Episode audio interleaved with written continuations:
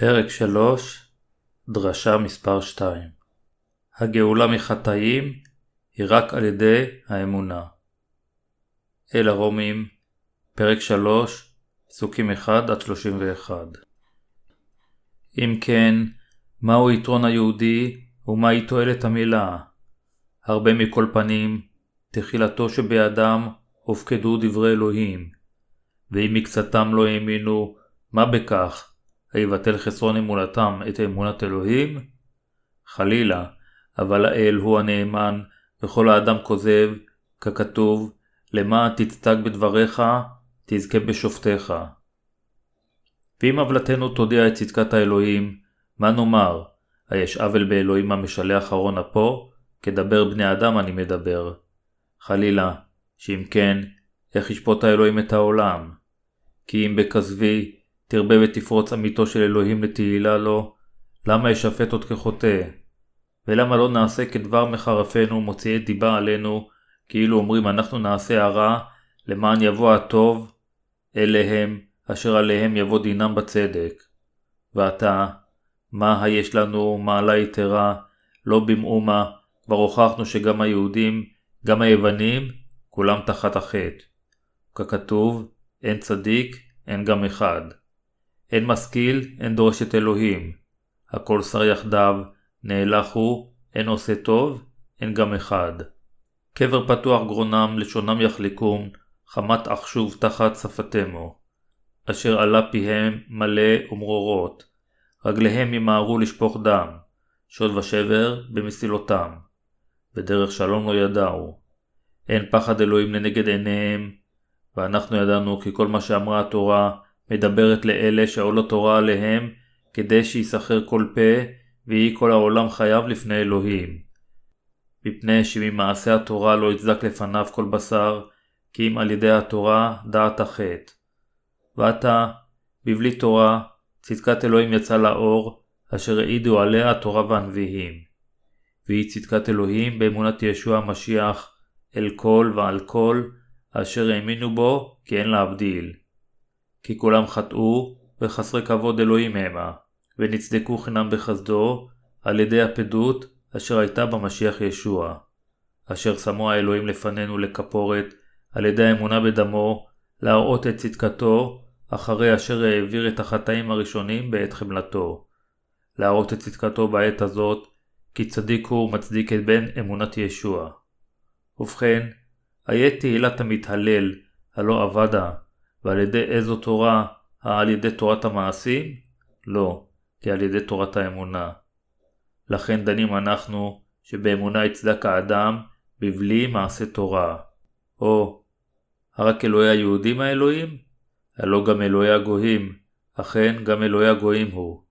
כי אחד האלוהים המצדיק את המולים מתוך האמונה ואת הערלים על ידי האמונה.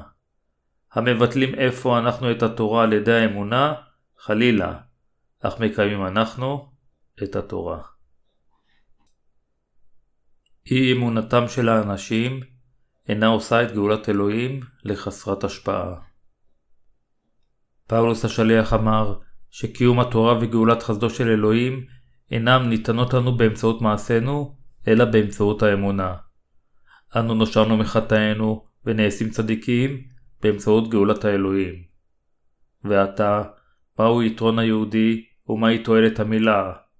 הרבה מכל פנים בראשון, כי הופקדו בידם דברי אלוהים. כי מהו, אם מקצתם לא האמינו, היבטל חסרון אמונתם את אמונת אלוהים? חלילה. אל הרומים, פרק 3, פסוקים 1-4. היתרון של היהודים היה, שכאשר דבר אלוהים נמסר להם, הם חיו והם שמעו את דבריו מאבותיהם. מכיוון שאלוהים העביר להם את דברו, הם חשבו שהם יותר טובים מהגויים. בכל אופן, התנ"ך אומר שאלוהים עזב את היהודים כיוון שהם לא האמינו בישוע אשר גאל אותם מחטאיהם. פאולוס אמר כי מהו אם מקצתם לא האמינו, היבטל חסרון אמונתם את אמונת אלוהים? חלילה.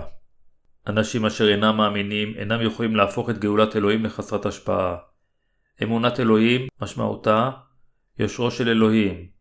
הוא התכוון שיושרו של אלוהים והגאולה מהחטאים אינם יכולים להיות חסרות תוקף אף על פי שהיהודים אינם מאמינים בהם. דבר הבטחתו של אלוהים שהוא גאל את כל מי שמאמין אינה מבוטלת, אפילו שיכול להיות שהם אינם מאמינים בה. הגויים יאמינו, אפילו אם היהודים לא יאמינו. אלוהים אמר שכל מי שיאמין ייגאל מהחטאים. לכן, אלוהים נטש את היהודים, כיוון שהם לא האמינו שדבר האמת בוצע לפי הבטחתו של אלוהים, אפילו שאלוהים העביר להם את דבריו. טענותיו של פאולוס השליח הם כדלקמן אלוהים נתן את מתנת הגאולה לכל בני האדם. אלוהים אמר שהוא הבטיח זאת בברית הישנה, וביצע אותה על ידי ששלח את ישוע המשיח, בנו היחידי, לעולם. חלק מהאנשים מאמינים בבשורת אלוהים, אך אחרים לא. כל מי שמאמין, מתברך בלהיות ילדו של אלוהים, בדיוק כפי שהוא הבטיח. לא משנה עד כמה אנשים רבים אינם מאמינים, ברכותיו של אלוהים אינם מתבטלות. כל מי שמאמין באמת יכול לקבל את אהבתו הגדולה. כל מי ששומע את דבר האמת ומאמין בו יכול לקבל את אהבתו הגדולה של אלוהים, אך הלא מאמינים טוענים שאלוהים הוא שקרן. למעשה, אלוהים מילא את הבטחתו, אך גאולת אלוהים נשללת מהלא מאמינים, כיוון שהם אינם מאמינים בחסד מחילת החטאים. היבטל חסרון אמונתם את אמונת אלוהים? חלילה. אלוהים הבטיח פעם אחת, ובנאמנות נתן את המתנה של גאולתו ותהילתו לכל האנשים. מה התנ"ך אומר על מתנת אלוהים? התנ"ך אומר שאלוהים האב שלח את בנו היקר ונתן את החסד של להיות ילדיו לאלה המאמינים במחילת החטאים באמצעות בנו. עוד לפני אפילו יסוד העולם, הוא תכנן שהוא ייתן לכל בני האדם את התהילה של להפוך לילדיו ואת מחילת החטאים באמצעות צדקתו, והוא קיים זאת בנאמנות. לכן, המאמינים מבורכים על פי דבר אלוהים, אך הלא מאמינים נשפטים על פיו. עולה מאוד את הלא מאמינים ללכת לגיהנום. אלוהים יסד את התורה, כך שאנו נוכל להיגאל על ידי אמונה בדברו. הוא גם אמר שנאמנותו של אלוהים לעולם לא תהיה חסרת השפעה, אפילו אם האנשים לא יאמינו. אנו נגאלים על ידי שאנו מקבלים את נאמנות גאולתו של אלוהים. אלוהים אמר, יהי האל הוא הנאמן וכל האדם כוזב, ככתוב, למען תצדק בדבריך, תזכה בשופטיך. אל הרומים, פרק 3, פסוק 4. כל בן אדם הוא שקרן, אלוהים הוא הנאמן. מדוע? כיוון שאלוהים אמר, ככתוב, למען תצדק בדבריך, תזכה בשופטיך. אלוהים אמר שהוא הבטיח מראש, הוא בירך את אלה אשר יהיו מבורכים, וקילל את אלה אשר יהיו מקוללים. זהו הצדק של אלוהים, לברך את המאמינים ולקלל את הלא מאמינים.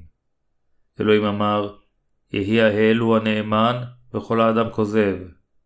ככתוב, למען תצדק בדבריך, תזכה בשופטיך. הוא אמר שהוא יגאל את האנשים על פי דברו. הדבר נעשה לבשר, שכן בינינו והושיע אותנו. לכן ישוע מוצדק באמצעות דבריו. ישוע הביס את השטן עם דבריו הכתובים של אלוהים. ישוע הוא צדיק וישר בפני עצמו. השטן וכל היצורים הרוחניים, כיוון שהוא ביצע את כל מה שהוא הבטיח. אולם, בני האדם אינם ישרים. התנהגותם משתנה במהירות, כאשר הם בעמדת נחיתות. בניגוד לכך, אלוהים מעולם לא הפר את הבטחתו. לכן, פאולוס השליח אמר שאמונתנו צריכה להתבסס על דבר האלוהים. עוולותינו מרוממות את צדקת האלוהים. אל הרומים, פרק 3, פסוק 5 אומר ואם עוולתנו תרומם את צדקת אלוהים, מה נאמר? אחי יש עוול באלוהים המשלח אחרון אפו, לפי דרך בני אדם אנוכי מדבר. כל בני האדם אינם צדיקים, אך מה נגיד אם עוולותינו מרוממת את צדקת אלוהים? צדקתו של אלוהים נגלית אף יותר בגלל חטאינו ועוולותינו. אלוהים הוא באמת ישר, הוא אדון הגאולה, המושיע והאלוהים האמיתי אשר הבטיח להושיע אותנו עם דברו, וקיים את מה שהבטיח. מה נאמר אם צדקתו של אלוהים נגלית בגלל חולשותינו? חסרוננו מראה אף יותר על חסדו של אלוהים, כיוון שאנו חוטאים עד אשר אנו מתים. כיצד אנו יודעים שאלוהים הוא אלוהי אהבה? אנו יכולים לראות זאת מחסרוננו. אהבתו של אלוהים נגלית באמצעותנו, כיוון שאנו חוטאים עד ליום האחרון של חיינו. ישוע אמר שהוא מחק את חטאי העולם אחת ולתמיד. אהבתו של אלוהים הייתה לא מושלמת, אם הוא היה אוהב רק אנשים טובים אשר לא חוטאים. מתוך אהבתו האמיתית, אלוהים מקבל ומטפל בנו החוטאים, אשר לעולם איננו יכולים להיות נאהבים. אנו בני האדם בוגדים באלוהים ולא צדיקים. איננו מאמינים בו, ואין בנו צד טוב לפני אלוהים. החוטאים הם אלה אשר רק עושים רע, אך ישוע אשר הושע אותנו מכל חטאינו ומכל רשעותינו, הוציא לפועל את אהבתו של אלוהים אלינו. אלוהים אמר שכאשר בני האדם חטאו והיו מיועדים ללכת לגיהנום עקב רמאותו של השטן, באמצעות אהבתו וצדקתו, הוא שלח אלינו את בנו היחיד כדי להושיע אותנו מחשכת השטן וקללתו. אלו הם חסדו ואהבתו של אלוהים. ואם עוולתנו תרומם את צדקת האלוהים, מה נאמר? אמר השליח פאלוס. מחשבותיהם של המאמינים ומחשבותיהם של הלא מאמינים מופרדות בקטע זה. הלא מאמינים מנסים להיות טובים על מנת להיכנס למלכות השמיים ולהתברך על ידי אלוהים. אך פאולוס השליח מאיר הערה מנוגדת ואומר ואם עוולתנו תרומם את צדקת האלוהים, מה נאמר? פאולוס אמר שאנו בני האדם איננו יכולים לעשות את צדקתו של אלוהים, אלא רק לעשות חטאים לפניו, ושרשעותנו באה להראות את אהבתו האמיתית של אלוהים. כן, זוהי האמת. כל בני האדם רשעים, ואינם יכולים להיות צדיקים, אך יהושע הושיע אותם מכל חטאיהם. אנו נושענו על ידי צדקתו של אלוהים. פאולוס השליח אמר שבני האדם נלכדו במלכודת החטאים ואינם יכולים להיות צדיקים. יהושע הושיע חוטאים כאלה מחטאיהם ואהב אותם. אנו זקוקים לאהבתו המושלמת, כיוון שאיננו יכולים להימנע מלחטוא כל יום. אנו נגאלנו רק על ידי אהבתו המוחלטת של ישוע, חסדו שניתן חינם ומתנת הגאולה באמצעות ישוע המשיח. פאולוס השליח אמר שהוא חב את ישועתו לצדקת האלוהים. כל מה שאלוהים עשה על מנת להושיע את כל החוטאים מחטאיהם, מראה על צדקתו. פאולוס אמר שהאמונה בבשורה הושיעה אותו. צדקת אלוהים נגלית בבשורת המים והרוח. גאולתנו תלויה במעשהו הצדיק של אלוהים, אשר עשה למעננו. לכן החוטאים נושעים מכל חטאיהם על ידי האמונה. אלה אשר לא נולדו מחדש, חושבים שעליהם להיות טובים, כך שייתכן שהם ייכנסו למלכות שמיים. פאולוס לא התכוון שעלינו לעשות מעשים רעים בכוונה, אך אנשים סוללים את דרכם לגיהנום, כיוון שהם מנסים לעשות מעשים טובים, מבלי לקבל את צדקת אלוהים. הם חייבים לחזור בתשובה ולהחליף את אמונתם על מנת להיוושע מהליכה לגיהנום. מי יכול לעשות מעשים טובים לפני אלוהים? אף לא אחד. אם כן, כיצד חוטא יכול להיוושע מכל חטאיו? הוא חייב לשנות את מחשבותיו. פאולוס השליח אמר שהוא נגאל על ידי האמונה. אך מה האנשים חושבים? האנשים חושבים שהם יכולים להיוושע על ידי מעשים טובים. זוהי הסיבה שהם אינם יכולים להיוושע. אלה אשר נגאלו מחטאים על ידי האמונה בישוע ויש להם מחילת חטאים מושלמת, מתגאים רק בצדקתו של אלוהים ומרוממים אותה. אולם, אלה אשר לא נולדו מחדש, למרות שהם מאמינים בישוע, חושבים שהם יוכלו להיכנס למלכות שמיים על ידי מעשים טובים, וילכו לגיהנום אם לא יעשו מעשים טובים. אמונתם היא מוטעית. אמונתו של פאולוס השליח היא אותה אמונה כמו של הנולדים מחדש. לאלה אשר לא נולדו מחדש למרות שהם חושבים שהם מאמינים בישוע, יש אמונה מוטעית כיוון שהם מנסים להוסיף את מעשיהם לאמונתם. אנו איננו נושעים על ידי הוספת מעשינו הטובים על אמונתנו, אלא על ידי האמונה בצדקתו של אלוהים, תפילת יהושע ומותו על הצלב. הצדיקים אינם יכולים לחטוא בכוונה. ואם עוולתנו תרומם מצדקת האלוהים, מה נאמר? התנ"ך אומר שעוולתנו רק מראה צדקתו של אלוהים ואהבתו. התנ"ך גם אומר כי אם על ידי כזבי תרבה ותפרוץ אמת אלוהים לתהילתו, למה זה אני אשפט עוד כחוטא? ולא נעשה כדבר מחרפנו, ומקצת מוציאי דיבה עלינו לאמור, הנה אומרים נעשה הרע, למען יצא הטוב, אשר דינם יבוא עליהם בצדק. אל הרומים, פרק 3, פסוקים 7-8 שמם של הלא מאמינים נכתב בספר הדין, והם יושלכו לתוך אגם של אש.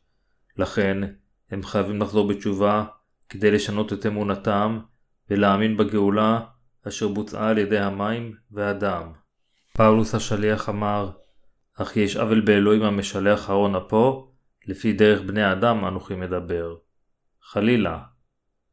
בני אדם מקשים ואומרים, האם אין עוול באלוהים אשר משלח את חרון אפו באלה שלא מאמינים, ושולח אותם לגיהנום רק בגלל שהם אינם מאמינים שישוע כבר הושע אותם מחטאיהם? אך פאולוס אמר, האם יש באלוהים עוול כיוון שהוא משלח את חרון אפו?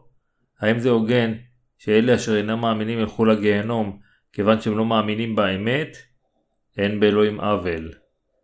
אל הרומים, פרק 3, פסוק 7 אומר, כי אם על ידי כזבי תרבה ותפרוץ אמת אלוהים לתהילתו, למה זה אני אשפט עוד כחוטא? ייתכן שאנשים ישאלו, מה, האם לא תכתב בכוונה כיוון שיש לך את מחילת החטאים? תשקר יותר כיוון שנגאלת על ידי צדקתו של אלוהים? האם לא תכתב יותר בכוונה?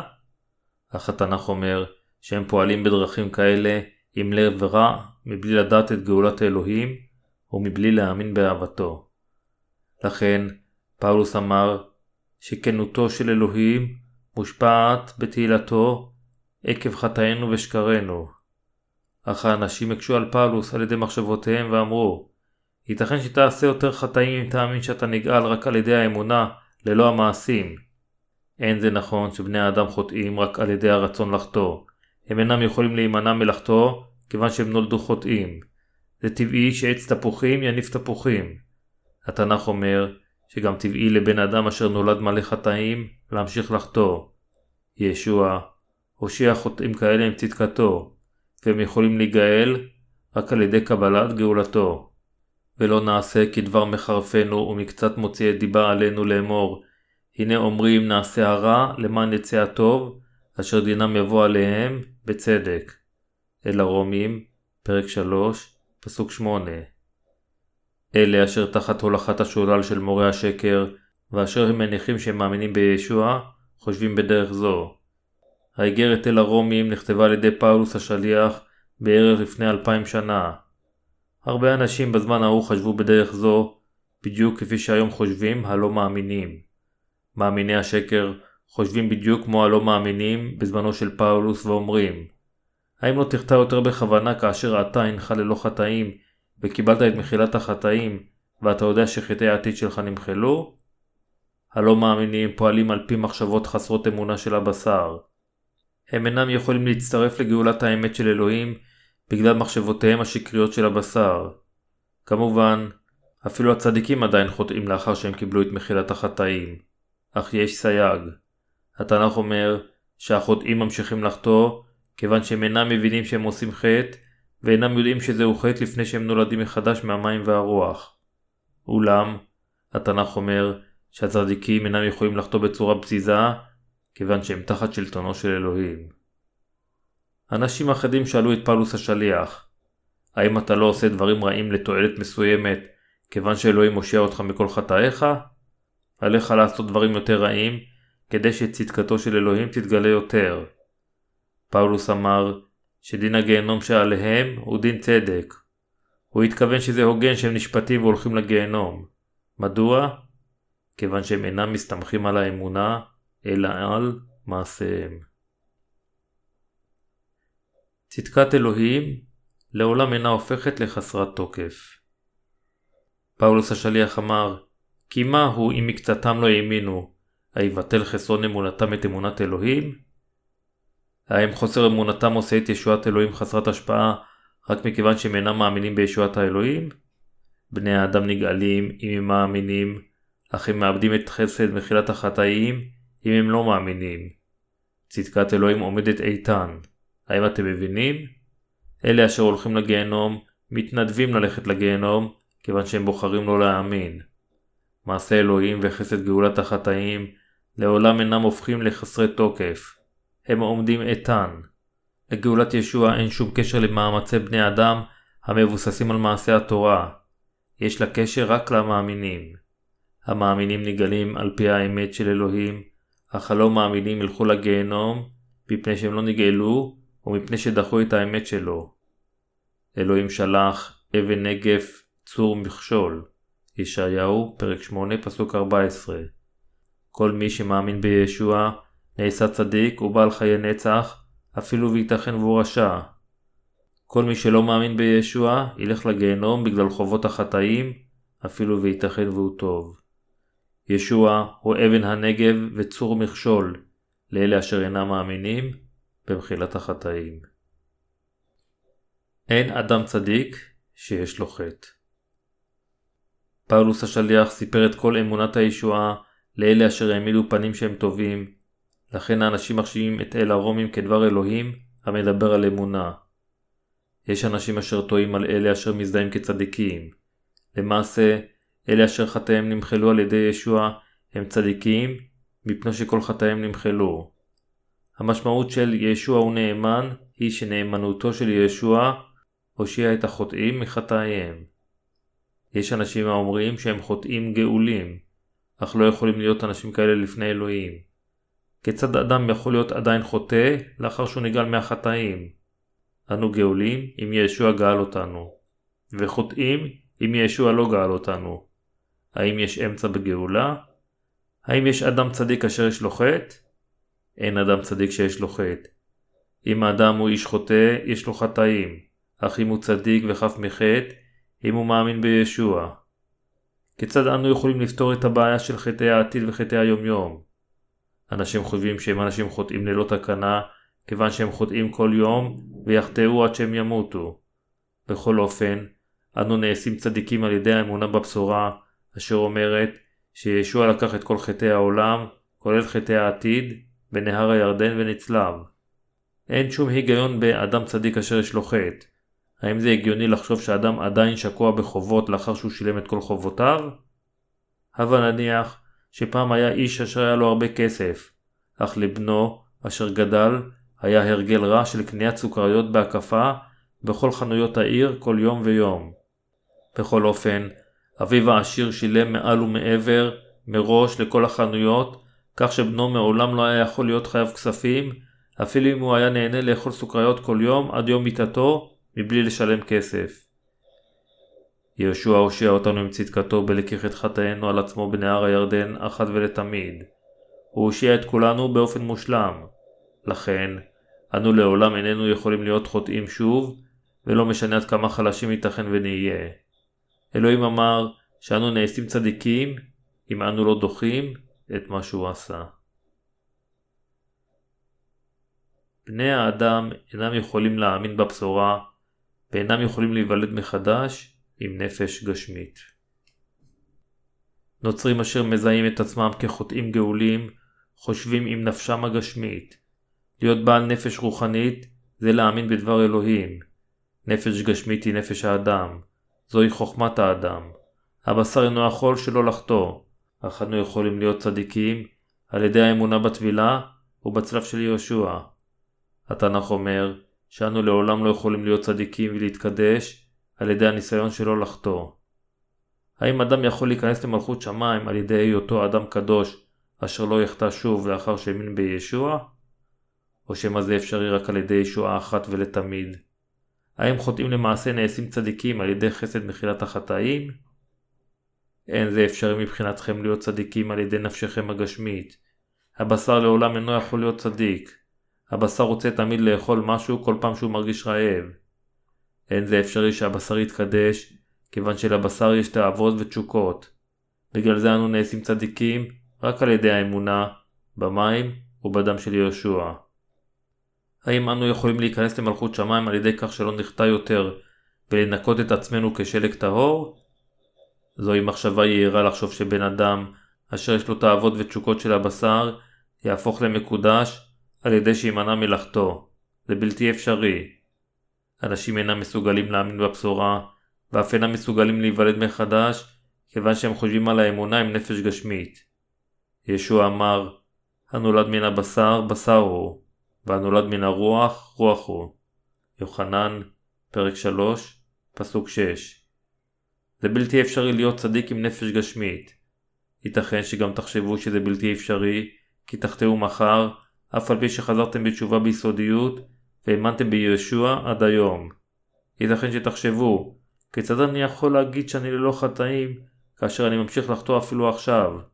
האם זה אפשרי שתעשו לצדיקים אם תחשבו בגשמיות כפי שהבשר עושה? זה בלתי אפשרי להתקדש עם הבשר. אולם, אלוהים יכול לעשותנו צדיקים. בכל אופן, אלוהים יכול להושיע אותנו באופן מושלם, אפילו אם בני האדם אינם יכולים.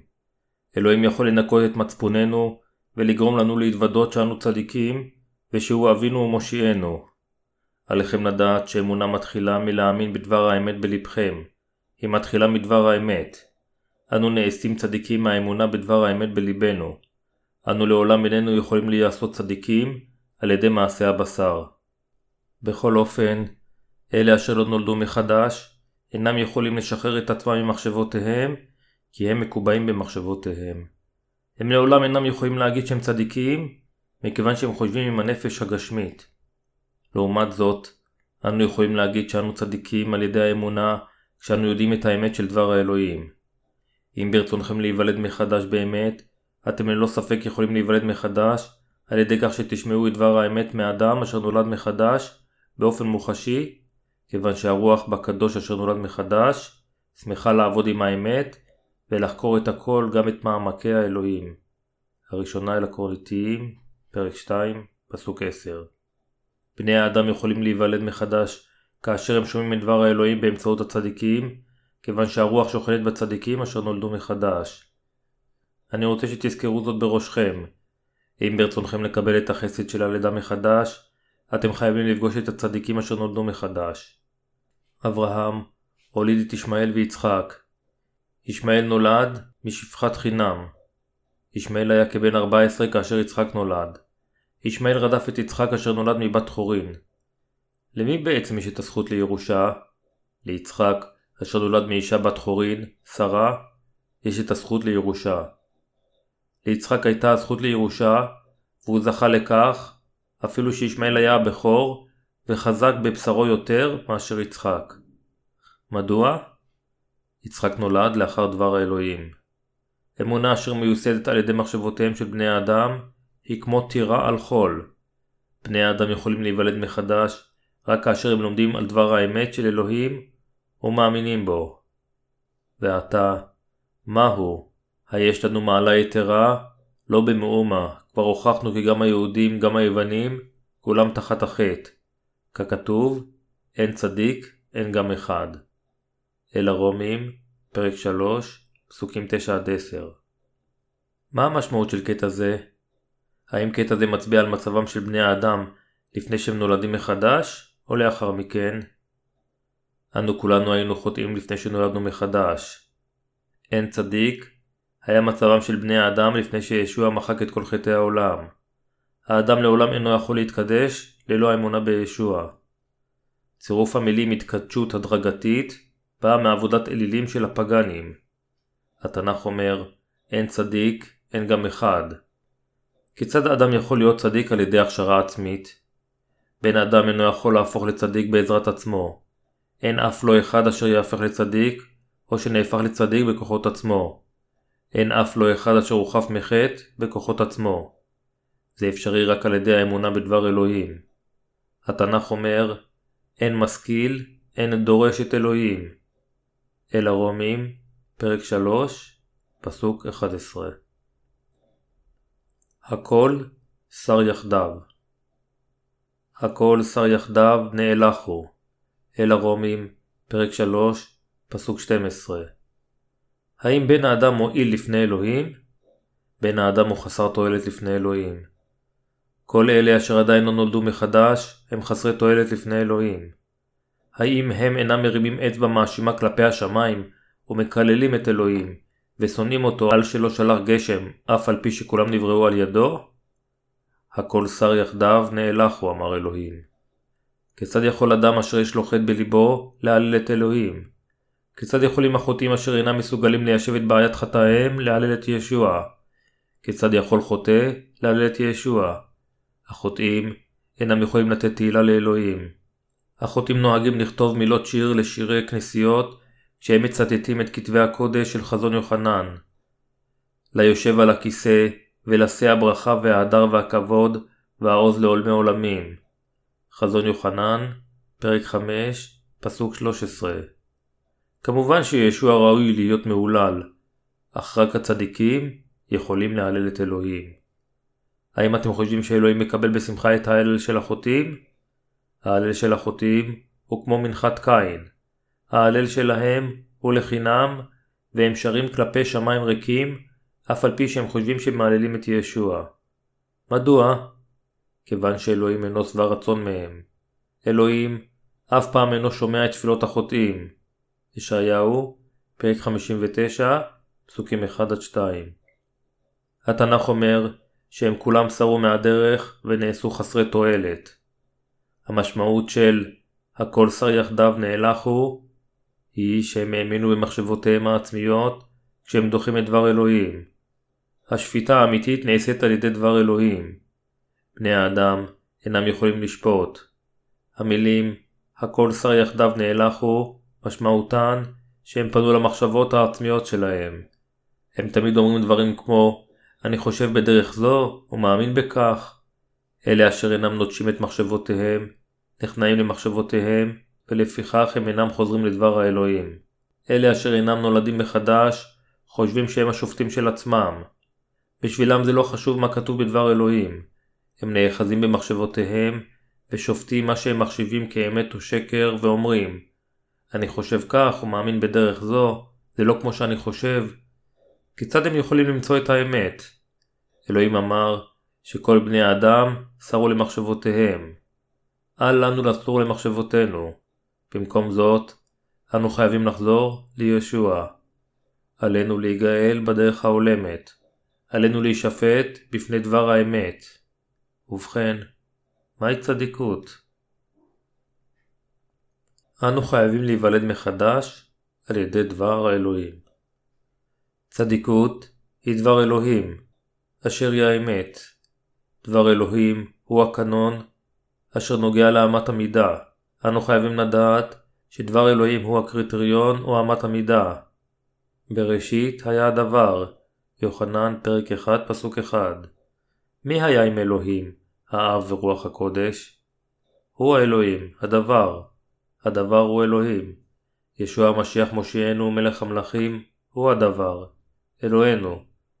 כתוב שהדבר היה עם אלוהים בבראשית. מי היה עם אלוהים? הדבר. הדבר הוא ישוע, מושיענו ואלוהים. המושיע הוא אלוהים. ייצוג מדויק של טבעו הוא הדבר. דבר אלוהים שונה ממחשבותינו, כיוון שהדבר הוא אלוהים. זוהי בורות בשביל בן האדם לנסות להבין את דבר האלוהים בעזרת מחשבותיו הגשמיות. לכן, אלוהים יכול להשתמש לתועלת בבן האדם אשר עומד איתן על אמונתו ודברו. אדם אשר עומד איתן על דבר אלוהים, הוא נאמן ומועיל לפני אלוהים, ואלוהים מברך אדם כזה. האם האדם יכול לעשות מה שטוב? הדבר, אשר הוא אלוהים, אמר שאין צדיק, אין גם אחד. בכל אופן, יש החושבים, נראה שיש אדם העושה טוב. למעשה, אנשים מתנהגים כצבועים לפני אלוהים. אנו חייבים לדעת שאין בנו צד צדיק לפני שאנו נולדים מחדש. כל בני האדם מתקוממים נגד אלוהים. הם מרמים אחד את השני, ואף את אלוהים כשהם מעמידי פנים שהם קדושים, טובים ורחומים. הם מאתגרים את אלוהים כשהם מעמידים פנים של עושי טוב. רק אלוהים הוא טוב. זו עמידה נגד אלוהים, והתקוממות נגד האמת שלו, כאשר מעמידים פנים של עושה טוב, מבלי להיוולד מחדש, או מבלי להאמין באהבתו ובצדקתו. האם אתם חושבים שרק חוטאים גמורים נשפטים לפני אלוהים? כל מי שלא נולד מחדש, אפילו אם הוא נוצרי, אינו יכול להתחמק מחרון אפו של אלוהים. לכן, עזבו את דרך הצביעות של חייכם ושימעו את דבר האלוהים. היוולדו מחדש, ואז תוכלו להינצל מדינו של אלוהים. האם אי פעם ראיתם רשע אשר לא מלא באובססיה להיות טוב, מתוך אלה אשר לא נולדו מחדש? אנשים מלאים באובססיה להיות טובים. מי לימד את זה? השטן. בן אדם באופן מקורי אינו יכול להיות טוב. בן אדם יכול לנהל אורח חיים טוב, כאשר כל חטאיו נמחקו לפני אלוהים. אם כן, האם אלוהים אומר לנו לעשות מעשים רעים בכוונה? לא. אלוהים אומר לנו לקבל את מחילת החטאים, מכיוון שכבר נדבקנו על ידי החטאים לפני שנולדנו, ונועדנו ללכת לגיהנום. אלוהים רוצה שכולנו נקבל את דבר האמת שלו, כדי שניגאל. השטן תמיד אומר שקר באמצעות הלא מאמינים. קבר פתוח גרונם, לשונם יחליקום, חמת אחשוב תחת שפתמו. אלה אשר פיהם מלא ומרורות, רגליהם ימהרו לשפוך דם, שוד ושבר במסילותם, ודרך שלום לא ידעו. אין פחד אלוהים לנגד עיניהם. אל הרומים, פרק 3, פסוקים 13-18 לשונם יחליקום. כל בני האדם טובים בלרמות. אלוהים אמר על השטן, מידי דברו כזב, משלא ידבר. יוחנן, פרק 8, פסוק 44. כל אלה אשר לא נולדו מחדש, אומרים, אני באמת אומר את האמת, זוהי האמת. כל דבריהם הם שקר.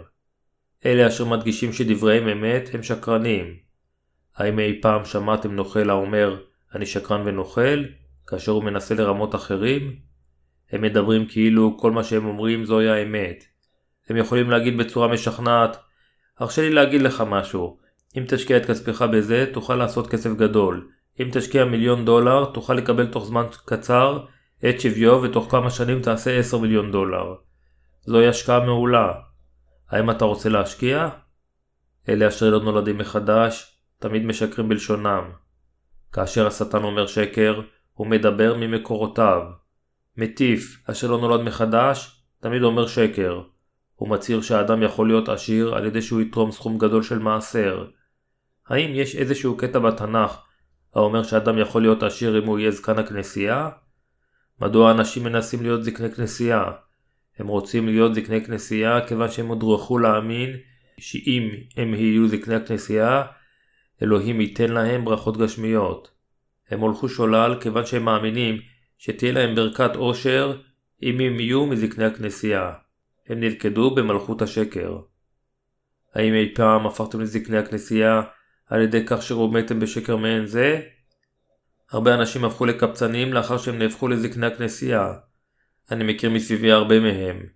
נביאי שקר, אשר לא נולדו מחדש, הסמיכו את העשירים כזקני הכנסייה שלהם. מדוע? כיוון שהם רצו שזקני הכנסייה יתרמו תרומה גדולה לכנסיותיהם. לפעמים הם מסמיכים אנשים ללא כסף לזקני הכנסייה, כיוון שהם רוצים להופכם לחסידים עיוורים שלהם. האמרה האומרת, האדם יתברך בעושר אם הוא יהיה זקן כנסייה, היא שקרית. אין שום רמיזה לכך בתנ"ך. התנ"ך אומר שיותר טוב שמשרתי אלוהים יהיו נרדפים מאשר יהיו עשירים. ישוע אמר, אך בקשו בראשונה את מלכות אלוהים ואת צדקתו, ונוסף לכם כל אלה. מתי, פרק 6, פסוק 33. חמת אחשוב תחת שפתמו, קבע התנ"ך. לבני האדם יש באמת ארץ של נחש אפעה. מה אלה אשר נולדו מחדש אומרים לצדיקים? הם מקללים את הצדיקים ומדברים כמו נחש אפעה. התנ"ך אומר, רגליהם ימהרו לשפוך דם, שוד ושבר במסילותם, ודרך שלום לא ידעו. אין פחד אלוהים לנגד עיניהם. מהי תכלית התורה? הפסקה ככתוב מראה שזהו ציטוט מהברית הישנה. פאולוס השליח ציטט את הברית הישנה הרבה פעמים. הוא אמר, רגליהם ימהרו לשפוך דם, שוד ושבר במסילותם, ודרך שלום לא ידעו. אין פחד אלוהים לנגד עיניהם. אני מרחם על אלה אשר ילכו לגיהנום, מבלי לדעת את הדרך של הלידה מחדש. אל הרומים פרק 3 פסוק 19 אומר ואנחנו ידענו כי כל מה שאמרה התורה מדברת אל אלה אשר תחת התורה למען יסחר כל פה והיה כל העולם מחויב לפני אלוהים. אלוהים מטיל את חמתו על פי התורה. הסיבה שפאולוס אמר מדברת על אלה אשר תחת התורה היא כיוון שאלוהים נתן את התורה לאלה אשר לא נולדו מחדש ואשר לא מכירים את החטא ואינם מחשיבים חטא כחטא על מנת להעביר לחוטאים שהם אינם מסוגלים לעולם לשמור את התורה בזמן חייהם. אלוהים לא נתן לנו את התורה כדי שנקיימה. אם כן, האם אלוהים אמר שהוא ישמיד את התורה? לא. הוא נתן לנו את התורה באמצעות משה כדי לתת לנו את הידע על חטאים שלנו. הוא לא נתן לנו את התורה כדי שנשמור אותה. תפקיד תורת אלוהים הוא ללמדנו עד כמה חוטאים אנו. אף אחד אינו יכול להיות צדיק על ידי מעשה התורה. אל הרומים, פרק 3, פסוק 20 אומר יען אשר ממעשה התורה לא יצדק לפניו כל בשר, כי על ידי התורה דעת החטא.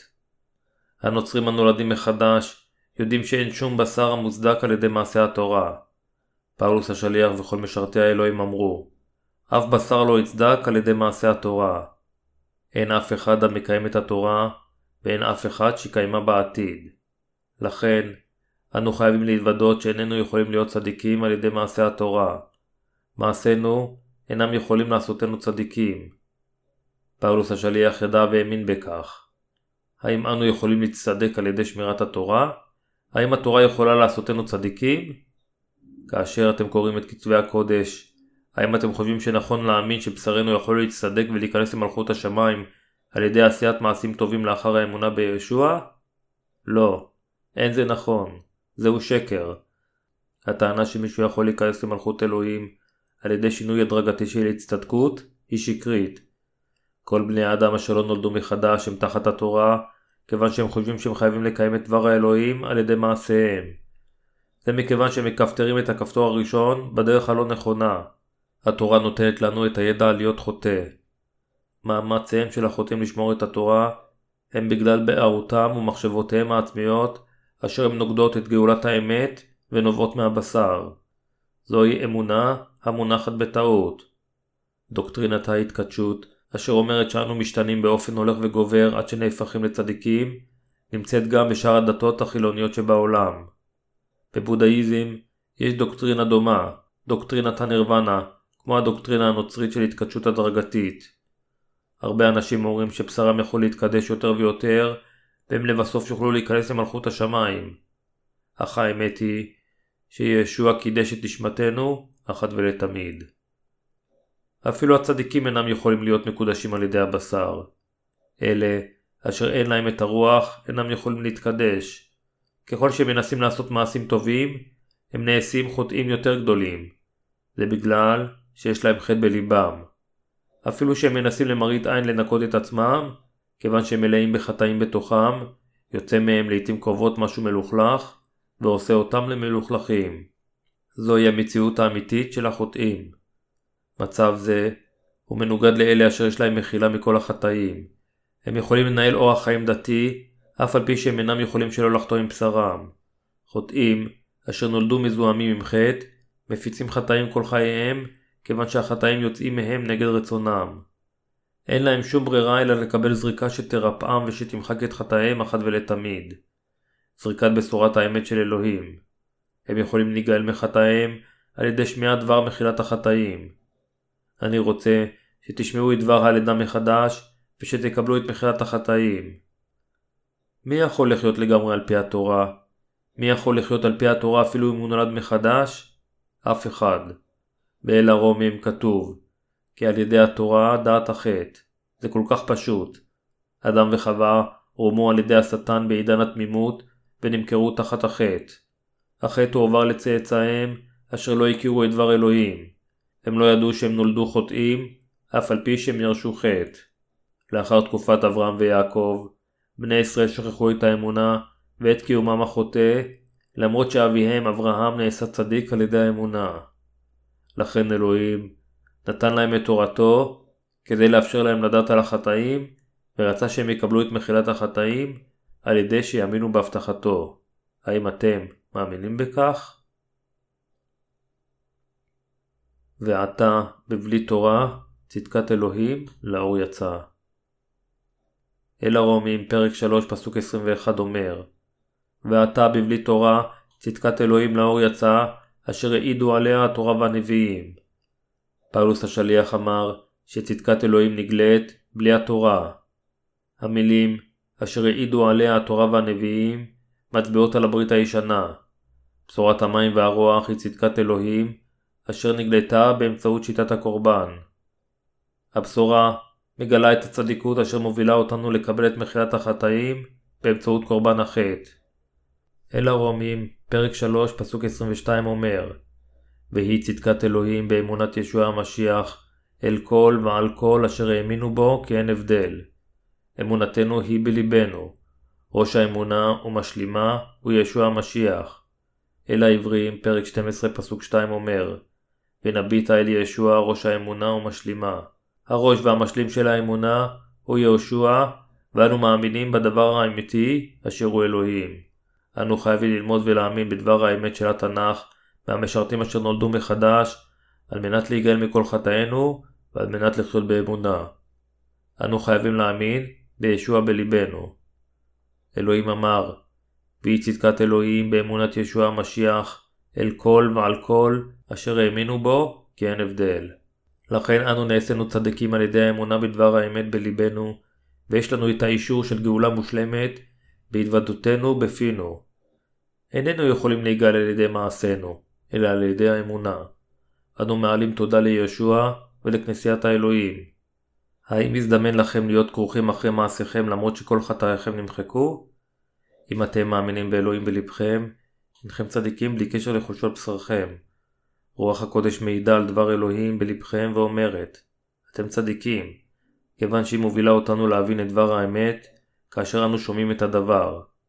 האם נגאלתם על ידי אמונה לאחר ששמעתם את דבר האלוהים? והיא צדקת אלוהים באמונת ישוע המשיח, אל כל ועל כל אשר האמינו בו, כי אין הבדל. כל מי שלומד ומאמין בדבר האלוהים, אשר זוהי האמת, יכול להיגאל מכל חטאיו. ישוע שטף את כל החטאים מתחילת העולם ועד סופו. אל הרומים, פרק 3, פסוקים 23-25, אומר כי כולם חטאו וחסרי כבוד אלוהים המה, ונצדקו חינם בחסדו על ידי הפדות אשר הייתה במשיח ישוע, אשר שמו האלוהים לפנינו לכפורת על ידי האמונה בדמו, להראות את צדקתו אחרי אשר העביר את החטאים שנעשו לפנים, בעת חמדת אלוהים. התנ"ך אומר שכולם חטאו וחסרי כבוד אלוהים. אנו קיבלנו את מחילת החטאים ונהיינו צדיקים באופן חופשי על ידי חסדו ואהבתו, בעוד החוטאים הולכים לגיהנום.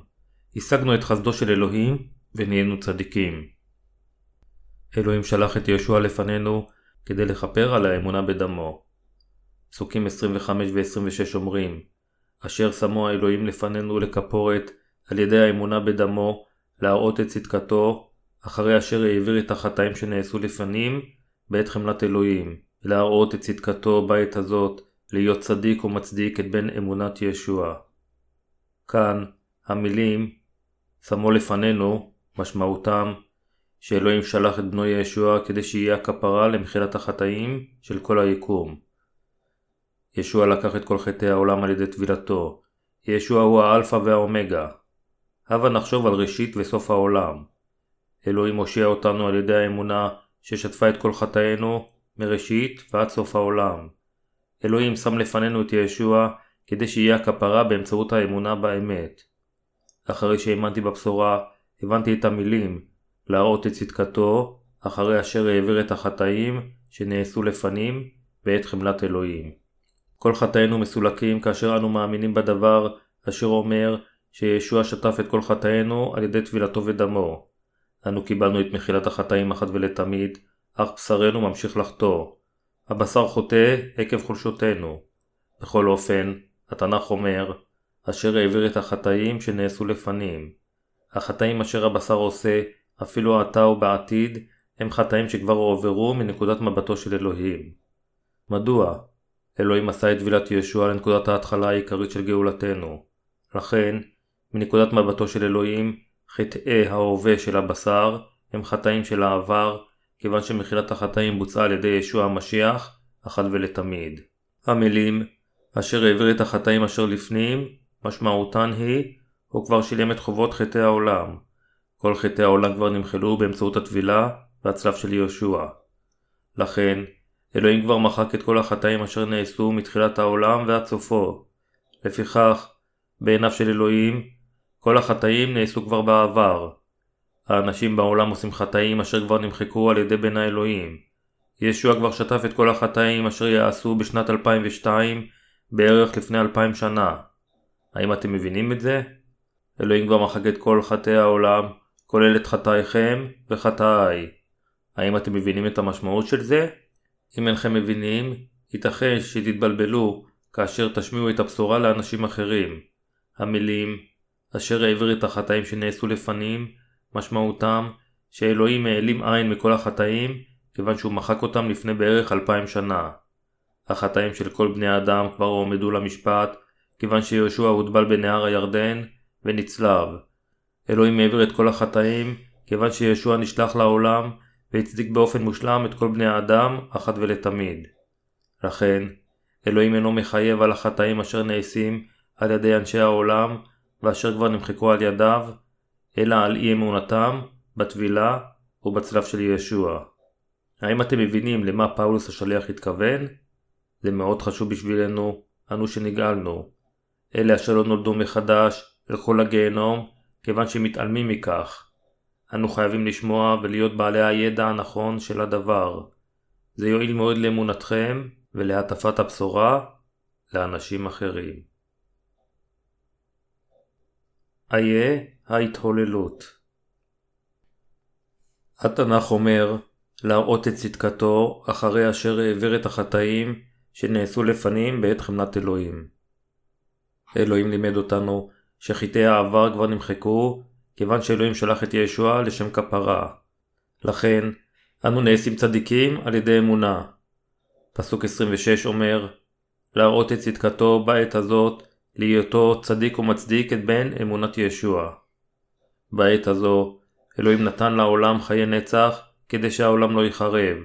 בעת הזאת אלוהים שלח את ישוע המשיח כדי להראות את צדקתו ולבצע את מה שהבטיח.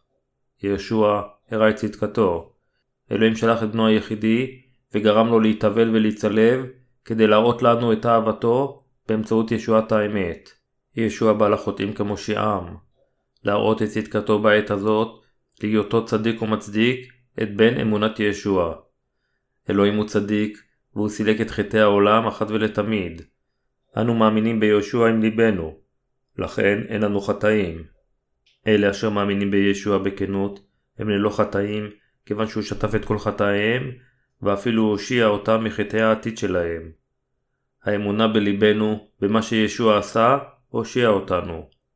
מעשינו אינם כלולים אפילו ב-0.1% באמונה בגאולתו. אל הרומים, פסוקים 27-31 אומר, ועתה איה התהללות, ובכן, איה תהילת המתהלל, הלא עבדה, ועל ידי איזו תורה? על ידי תורת המעשים? לא, כי על ידי תורת האמונה. לכן דנים אנחנו שבאמונה יצדק האדם בבלי מעשה תורה. או הרק אלוהי היהודים האלוהים, הלא גם אלוהי הגויים, אכן גם אלוהי הגויים הוא. כי אחד האלוהים המצדיק את המולים מתוך האמונה ואת הערלים על ידי האמונה. המבטלים אפוא אנחנו את התורה על ידי האמונה, חלילה, אך מקיימים אנחנו את התורה. המילים מקיימים אנחנו את התורה משמעותן שאנו איננו יכולים להיגאל על ידי מעשינו. אנו לא מושלמים וחלשים, ועלינו ללכת לגיהנום על פי התורה. בכל אופן, דבר אלוהים עשה אותנו לצדיקים ומושלמים, כיוון שאנו נגאלנו על פי דברו.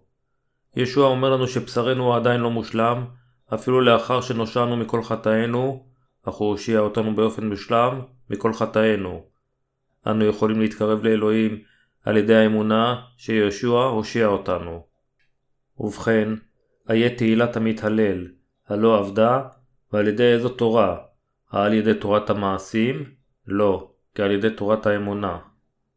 אנו חייבים לדעת את התורה, אשר אלוהים ייסד, ושהתורה היא נצחית במלכותו. ועל ידי תורת מה? על ידי תורת המעשים? לא, כי על ידי תורת האמונה, אמר אלוהים. האם אתם מבינים את זה? אלוהים הושיע אותנו מכל חטאי העולם. אנו נושעים כאשר אנו מאמינים על פי האמת. עלינו לזכור שמעשי התורה אינם יכולים להושיענו. באל הרומים, פרק 3, אלוהים דיבר על תורת האמונה באמצעות פאולוס השליח. אלוהים אמר, כי מה אם מקצתם לא ימינו, היבטל חסרון אמונתם את אמונת אלוהי? אל הרומים, פרק 3, פסוק 3. המאמינים עומדים איתן על ידי האמונה, אך הלא מאמינים מטים ליפול. אלה אשר אין להם את האמונה המושלמת בבשורת האמת, ילכו לגיהנום, אפילו אם הם חושבים שהם מאמינים בישוע. אלוהים הושיע אותנו באופן מושלם מכל חטאינו. אלוהים ייסד את תורת אלוהים כך שאלה אשר מאמינים על פי מחשבותיהם העצמיות, ייתכן שייכשלו בתורת האמונה. אלוהים הושיע אותנו באופן מושלם מכל חטאינו. אל הרומים, פרק 3, מדבר על תורת האמת. אנו נושעים על ידי האמונה בדבר האמת. יש לנו שלווה, ואנו יורשים את מלכות השמיים על ידי האמונה. לא יכולה להיות שלווה לאלה אשר אינם מאמינים. במקום זאת, הם ילכו לגיהנום. מהי הסיבה לכך? ראשית, הם נשפטים על פי תורת האמת של אלוהים, כיוון שהם לא קיבלו את דבר האמת של אלוהים. גאולה באה מאהבתו של אלוהים, ואנו נושעים על ידי ידיעת האמת, ועל ידי האמונה בליבנו, במה שעשה ישוע. האם אתם מבינים? אני מהלל את אלוהים, אשר נתן לנו אמונה זו, ואת כנסייתו על הארץ. אני מודה לישוע על שנתן לנו את האמת, את האמונה, ואת הדבר אשר היו לפאולוס השליח, ואשר גילה את סוד מחילת החטאים לכנסייתו. אני מהלל אותו מעמקי ליבי. אנו מודים ליהושע, כיוון שהוא הושיע אותנו באמצעות טבילתו ומותו על הצלב. ללא אמונה זו, ובלי כנסייתו, אין לנו ברירה אלא ללכת לגיהנום. אנו היינו חוטאים, אשר מעולם לא היינו יכולים להיוושע באופן טבעי, אך האמנו בצדקתו בלבנו. אנו נעשינו לילדיו, אשר מאמינים בצדקתו בלבנו, ומודים בפינו. אל הרומים, פרק 10, פסוק 10